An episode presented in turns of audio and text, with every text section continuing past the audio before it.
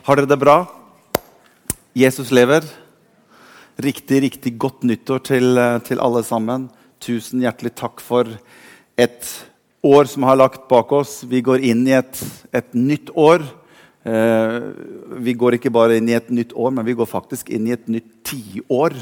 Og Det også er litt spesielt. Vi har lagt et, tiår bak oss, og vi er på vei inn i et, et nytt tiår.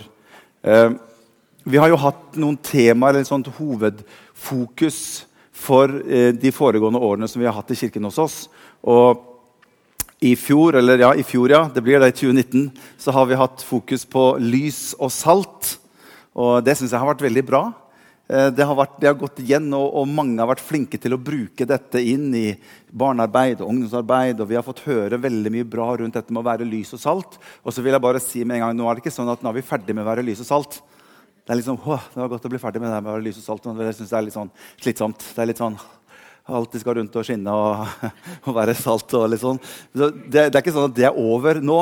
Nei, nei, det er vi hele tiden. Men vi har bare noen sånne fokus fokusområder eh, hvert år. Det, det, området, eller det fokuset som vi skal ha i år, det er det noen av dere som har fått med dere, men det er det som står i Zakaria kapittel 4 og vers 6. Og Der står det at 'ikke ved makt og ikke ved kraft, men ved min ånd', sier Herren. Og Det er noe som vi har følt at vi har fått lagt på vårt hjerte. Vi ønsker på en måte å ha et år hvor vi setter fokus mot noe av det som jeg tror er selve nøkkelen til å leve et kristent liv. Det er faktisk å ha en relasjon til Den hellige ånd. For Hvis ikke så hadde vi ikke trengt å ha Den hellige ånd med oss her nede. Da kunne Jesus ha sagt at dere kan bare ta imot meg, og så er dere frelst. Og så får, dere bare gjøre så godt dere kan, og så kommer det en, en, tid hvor jeg kommer tilbake, eller at vi er ferdig med livet her, og så kommer dere hjem til himmelen. Men Jesus sa det er til gang for dere, sa han, at jeg går bort. For Hvis ikke jeg går bort, så kan ikke jeg sende Den hellige ånd. Og Hva mente Jesus? Jo, han mente at når han kommer, så skal han være hos dere. Og han er den som er nøkkelen for at du og jeg kan leve et kristent liv her nede på jorden. For Jesus han sa det, jeg ber far ikke at du skal ta dem ut av verden, men jeg ber om at du skal bevare dem i verden. Og Da visste Jesus at vi kommer til å trenge litt hjelp til det. Og Det er derfor Jesus sier at det er så viktig at jeg går bort, for hvis ikke så kommer ikke Den hellige ånd. Men når han kommer, sier han, da skal han være sammen med dere. Og han skal veilede dere, han skal være hos dere, han skal være i dere. Og det er selve nøkkelen for at du og jeg kan leve et liv sammen med Jesus. Et kristenliv sammen med Jesus her. Det er Den hellige ånd. Uten han så vil det være vanskelig for deg og meg å leve et liv som jeg tror Gud har kalt oss til å leve her nede. Men derfor så sendte han Den hellige ånd for at du og jeg kunne få lov til å ha en medhjelper i livet vårt. Det er ikke dermed sagt at han har garantert oss et liv uten vanskeligheter, uten utfordringer og problemer. Absolutt ikke. Å ta imot Jesus er ingen garanti for at vi får et liv bare på roser deretter, og så går vi hjem til himmelen en gang. Nei, det er ikke det de snakker om. Men det snakker om at han, han er med oss. Han er sammen med oss. Han er hos oss. Og det å ha denne nær til oss gjør at når kamper eller utfordringer kommer, så er han sammen med oss i det vi opplever, og han kan være med å føre oss igjennom ting som er utfordrende og ting som er vanskelig. Og er ikke det bra, eller? Jeg synes det er kjempebra. Så dette kommer til å være litt tema for i år. Nødvendig at man har Den hellige ånd og få lære ting rundt Den hellige ånd. Og det er, eh, synes jeg er veldig, veldig, veldig spennende. Jeg har bare også lyst til å si at dere må få med dere Øyvind Valvik neste søndag. De har bygd opp et fantastisk stort område i Kristiansand som heter Q42, som har jo blitt et, et landemerke innenfor kristen sammenheng i Norge. Og Øyvind har vært der nede i mange mange år. Han har en veldig sterk tjeneste og blitt personlig veldig oppmuntret av Øyvind. Og jeg har bare lyst til å anbefale han på det sterkeste. Kom og få med dere det i neste, neste søndag. Amen. Vi skal dele litt eh, sammen her. Jeg har kalt det som jeg skal dele med dere i formiddag, så skal ikke holde på så veldig, veldig lenge. Jeg har kalt det som jeg skal dele med dere for løftet er Guds nærvær. Og Vi skal begynne, vi skal lese to skriftsteder. så Vi skal gå, først gå til andre kongebok, kapittel 2, og vers 9. Andre kongebok, kapittel 2, og vers 9 skal vi lese, og til vers 14. Og så skal vi gå til Josva kapittel 1 og fra vers 1, dere som, eh, som har med dere Bibelen og vil slå opp i den. Andre kongebok kapittel 2 og vers 9, der står det Mens de gikk over, sa Elia til Elisha. Si meg, hva kan jeg gjøre for deg før jeg blir tatt fra deg? spør altså Elia til Elisha. Elisha sa, la meg få din ånd i dobbelt mål. Elia svarte, det er vanskelig, det du ber om. Det er ikke lite, det du ber om, sier Elia til Elisha. Men hvis du ser meg når jeg blir tatt bort fra deg, skal du få det. Ellers ikke. Mens de gikk der og snakket sammen, kom det brått en ildvogn med ildhester foran og skilte de to fra hverandre. Og Elia for opp til himmelen i stormen. Da Elisha så dette, ropte han 'Min far, min far'. Og så ropte han noe som ikke jeg helt skjønner, men han ropte altså Israels vogner og hester. Jeg vet ikke hva som ligger i det, men det kan godt hende at det er noe enda dypere. Jeg har ikke gått så dypt i teksten akkurat når man roper ut 'Israels vogner og hester'. Da han ikke kunne se ham lenger, tok han tak i klærne sine og rev dem i to stykker. Så tok han opp Elias' kappe som var falt av ham. Han gikk tilbake og stilte seg ved bredden av Jordan. Jordan altså det er ikke sånn det er ikke den tannbørste-Jordan. for dere som det er mange Jordan, hva er det for noe? Jeg har hørt om én Jordan, og det er tannbørster. Jordan vet hvordan. Det er noen som vet om, ikke sant? Men dette her er en elv som heter Jordan. Sånn at dere bare vet hva vi snakker om her. Han gikk bort til bredden av Jordan, så tok han kappen som var falt av Elia, og så slo han på vannet og sa, 'Hvor er Herren Elias Gud?' Også da Elisha slo på vannet, delte det seg på samme måte som det hadde skjedd med Elias. Og, det, og han gikk over, står det. Fantastisk. Veldig veldig mye fint i den teksten. her. Så skal vi gå til Josva. Og så skal jeg dele noe med, med dere her. Josva kapittel 1 og vers 1-6. Da Moses, Herrens tjener, var død, sa Herren til hans medhjelper Josva, Nuns sønn, min tjener Moses er død.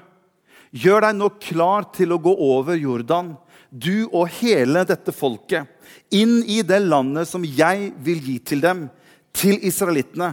Hvert sted dere setter foten på, gir jeg dere, slik som jeg lovet Moses.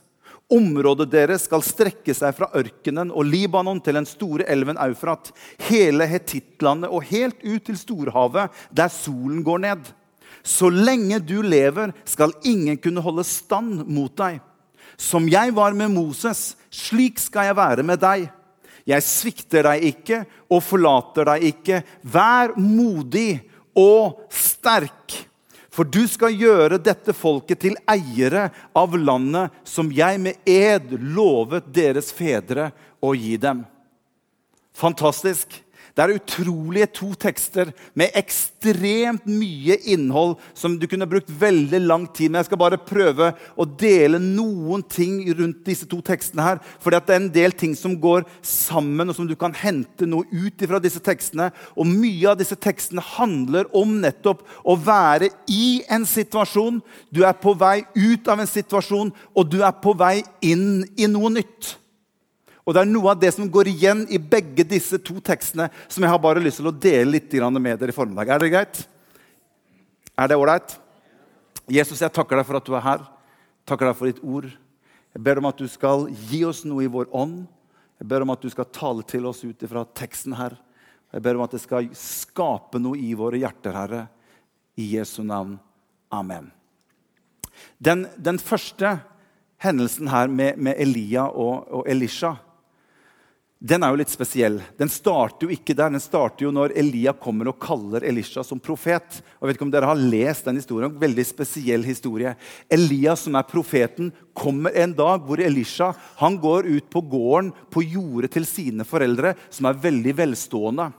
Han går og ploger på marken, og her kommer profeten Elia.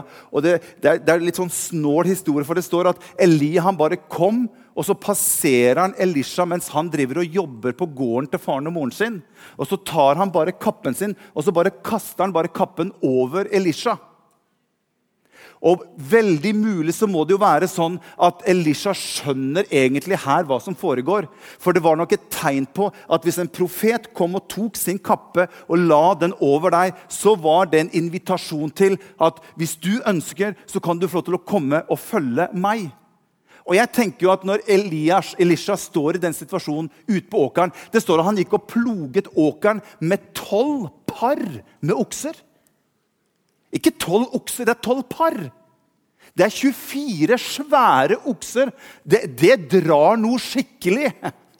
Det er det ordentlig trøkk i når 24 okser Så det er en velstående familie. Og denne sønnen Elisha er på sine, sin, sine eh, foreldre sin gård. Og han vet jo at alt dette som er rundt her, det er jo noe som kommer til å tilfalle meg når mine foreldre dør. Dette her er jo arven min. Dette her er jo tryggheten min. Dette er jo det som jeg skal overta en gang. Og all sunn fornuft ville jo sagt til Elisha at når Elia kommer og bare kaster kappen over deg, så du, du, du, bare, du, følger jo ikke han bare sånn uten videre.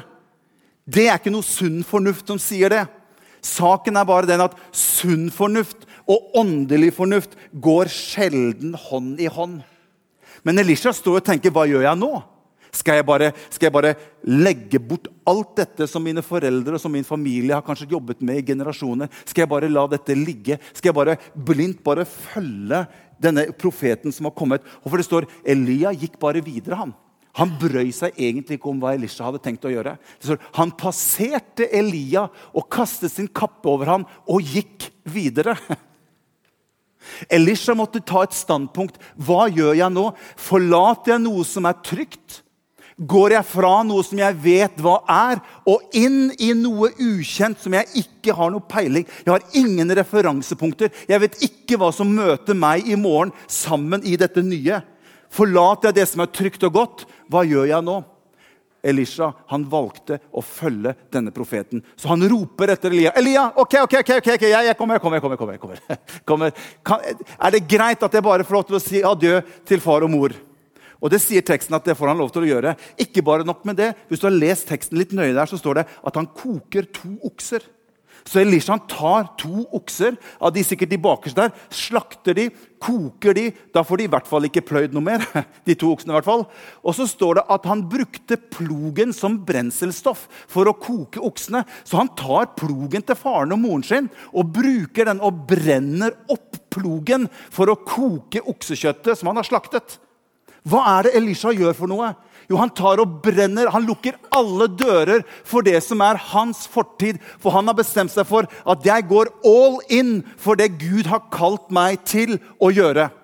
Han gjør slik at det er ingen mulighet for ham å vende tilbake. Han sier, 'Jeg ønsker å legge fra meg alt garn'. Det står Peter straks lot han alt garn ligge, og han gikk og fulgte Jesus. Visste han hva som lå foran? Absolutt ikke den teksten vi leste her, det er noen år lenger fram. Men han forlater noe og går inn i noe som han ikke er helt klar over. Han vet ikke helt hva som skjer. Og sånn er det med teksten i den, Henger dere med fortsatt? Sånn er det med den neste teksten vi leser om i Josva. Israel har nettopp kommet seg ut av Egypt. Israel har vært fanger i Egypt i over 400 år. De har vært slaver, nomader, og de har levd i fangenskap i over 400 år. Og Moses kommer inn i bildet og fører de ut av Egypten. Og nå befinner de seg på nytt i et ingenmannsland ifra å ha vært i noe. Nå befinner de seg i en tilstand om at Gud har begynt å tale til dem at de skal få lov til å komme på vei til noe som de heller ikke vet.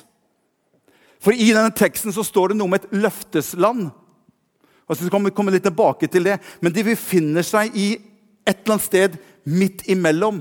De er kanskje klar over at noe nytt skal skje. Men selv om noe nytt skal skje, så er jo ikke det dermed sagt at det trenger være veldig positivt. Veldig ofte så er det sånn med oss mennesker at når ting begynner å bli usikkert, når ting begynner å fravike fra normalen, så begynner du og jeg ofte å bli litt nervøs. Vi liker alt det trygge, alt det normale. Hvis det kan gå akkurat sånn som vi er vant med, så føler vi oss trygge. Men med en gang omstendighetene rundt oss forandres, så begynner vi å bli usikre. Kanskje frykt sniker seg inn, usikkerhet kommer, og vi vet ikke hva skjer nå. Og midt oppi dette så dør Moses. Denne store lederen som i Bibelen har kanskje vært den største lederen som har vært. Han dør midt oppi dette. Og det er ikke hvem som helst som dør. Det er Moses. Altså, Vi snakker om Moses. Han som kom inn, og som fridde hele Israels folk ut av Egypten.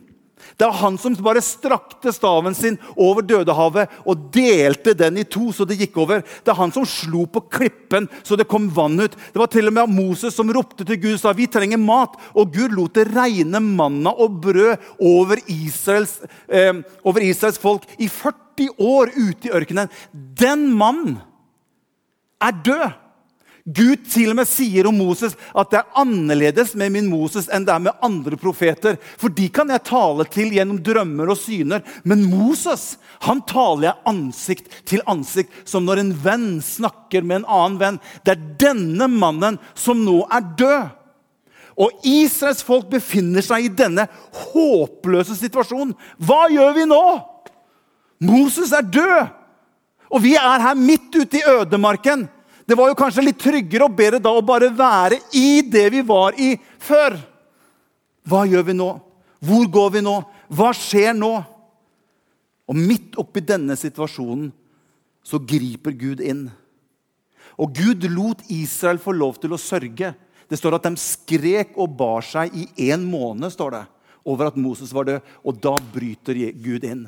Så ok, nå har de fått lov til å sørge og skrike og hyle i én måned. Nå er, det, nå, nå er nok, nok er nok.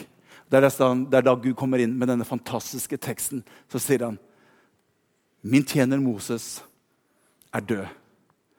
Men så kommer dette utsagnet fra Gud som jeg syns er bare så fantastisk. Som jeg kjenner bare like meg på hjertet, sier han. Som jeg har vært med Moses, slik skal jeg også være med dere. Midt oppi når det er vanskelig og utfordrende. Og De vet ikke hva de skal gjøre, de vet ikke hvordan de skal snu seg. Og Josva han ligger sikkert innenfor Gud og sier, 'Gud, hva gjør vi for noe?' Og Så kommer Gud inn og så sier han, 'Josva, det er også min tjener Moses som er død.' Men slik som jeg var med han, slik skal jeg også være med deg, Josva, og med dere, Israels folk. Og det er denne teksten her som ligger der, denne setningen her, som bare satt seg i meg imot slutten av dette året. Fordi at du og jeg vi kan ha mange forskjellige situasjoner som du og jeg er midt oppi av mange forskjellige årsaker. Av utfordringer eller vanskeligheter. Du beveger deg fra ett felt til et annet felt, og vi er litt usikre på hva som skjer. Jeg har en hilsen til deg at Gud er den samme med deg i dag som han var i går. Nøkkelen til Moses' sin tjeneste var ikke Moses selv, men det var Gud som var nøkkelen til Moses' sin tjeneste. Og det er han som sier at 'løft opp ditt hode, Josva'. Som jeg var med Moses, slik skal jeg også være med deg. Frykt ikke. Vær ikke redd.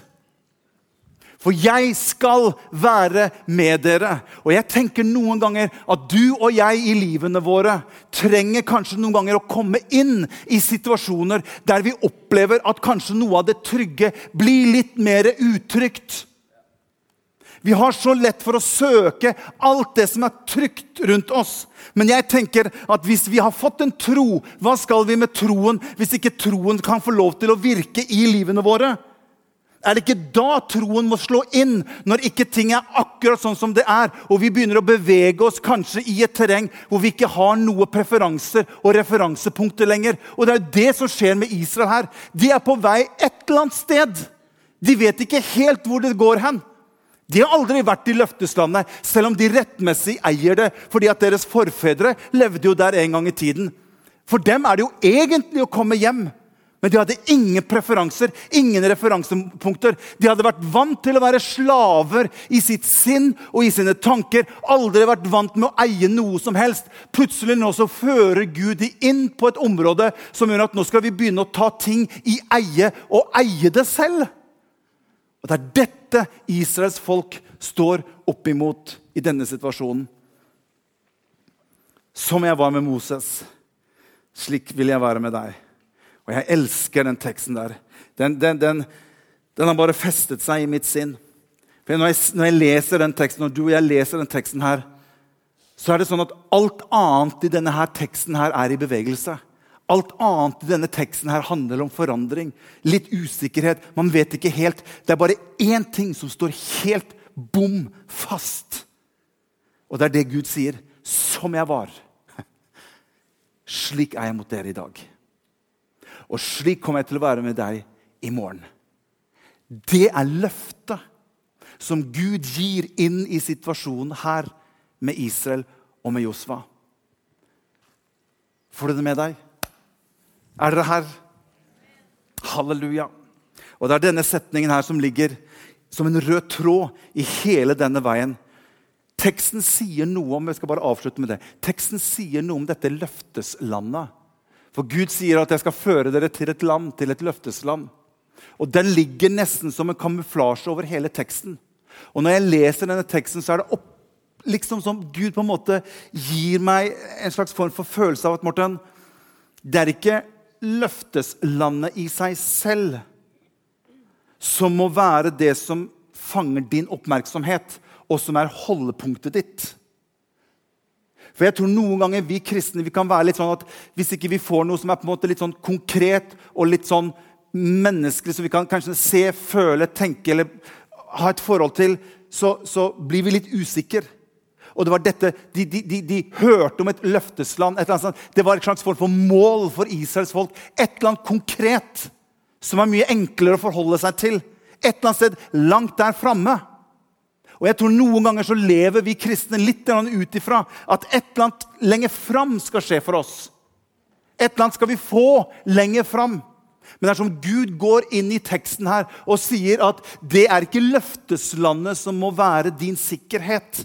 Det er ikke derfor du og jeg holder på, men løftet oppi der her er at jeg skal være med deg nå.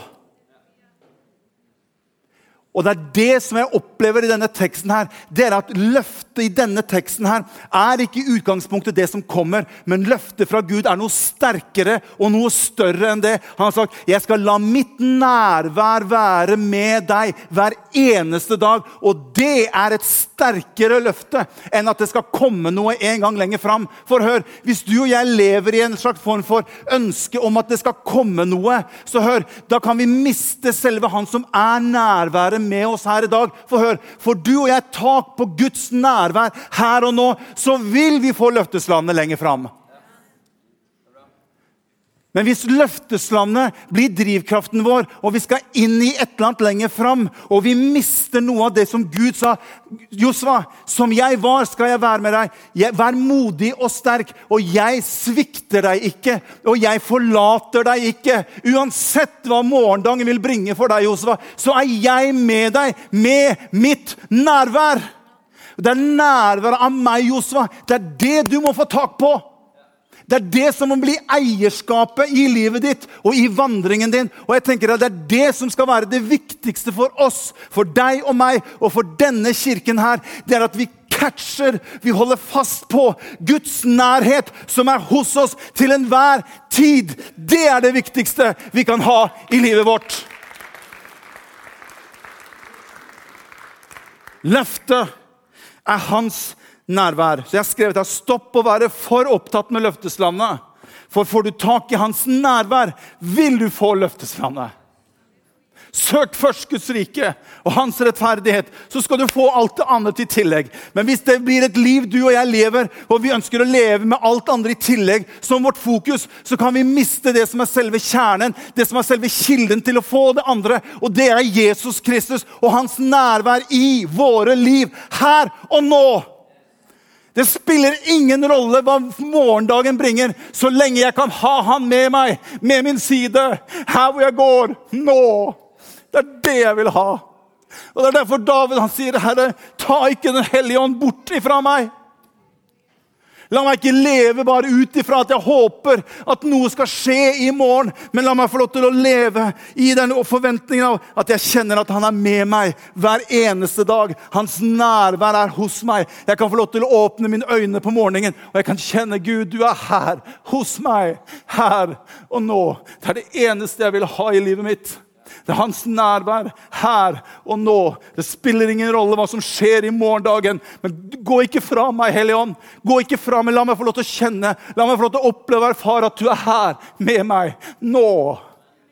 Og Det er det jeg opplever i denne teksten. her. Det er det som ligger som en sikkerhet for Israels folk. Som jeg var, sånn skal jeg også være med deg. Og sånn skal jeg være med deg, og jeg skal være med deg. Jeg svikter deg ikke, og jeg forlater deg ikke. Bare vær modig og sterk, og du skal få lov til å oppleve at jeg skal være med deg hver eneste dag gjennom livet ditt. Og det er den holdningen du og jeg må ha i livet vårt med Gud. Og Jeg har skrevet noe her på slutten som jeg skal avslutte med.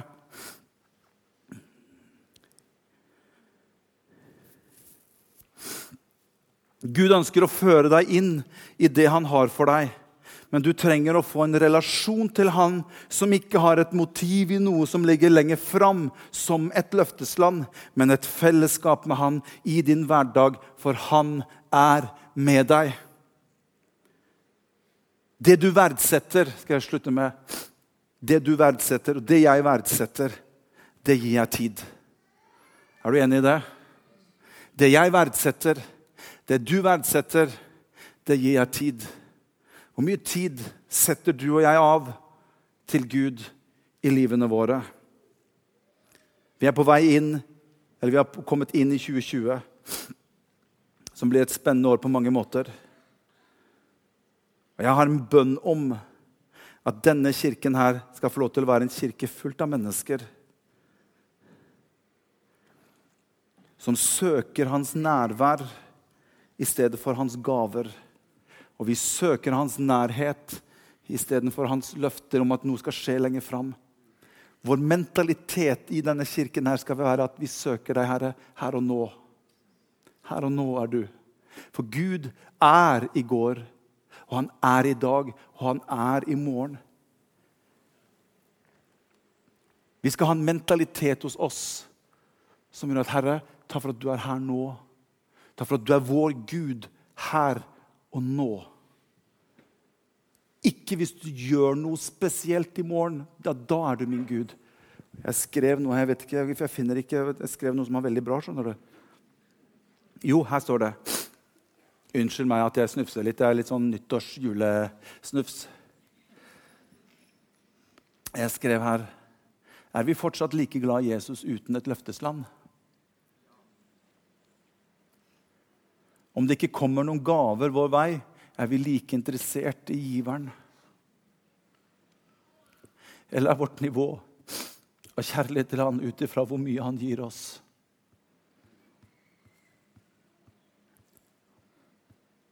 Det vi trenger, er åpne hjerter som lengter etter Gud igjen.